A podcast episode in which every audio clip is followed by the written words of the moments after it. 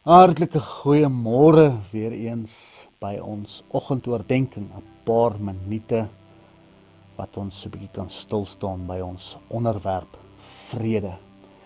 Ons lees in Numeri hoofstuk 20 vers 21 hoe dat Moses met die koning probeer onderhandel het en hoe dat die koning van Edom geweier het om Israel deur sy gebied te laat trek. Moses het egter twee opsies gehad: forceer konflik of proklameer vrede en beweeg aan. Jy sien as Christen moet vrede altyd ons konflik oorwin.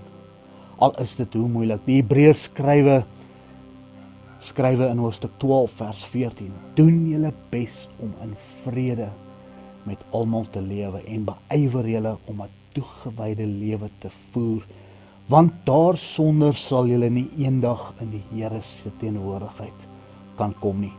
Die 1933 vertaling sê dit so mooi en anders. Hy sê jaag die vrede na met almal. Koning Dawid skryf ook in Psalm 37 vers 37: Daar is 'n toekoms vir die man van vrede. Groet tot 'n volgende keer.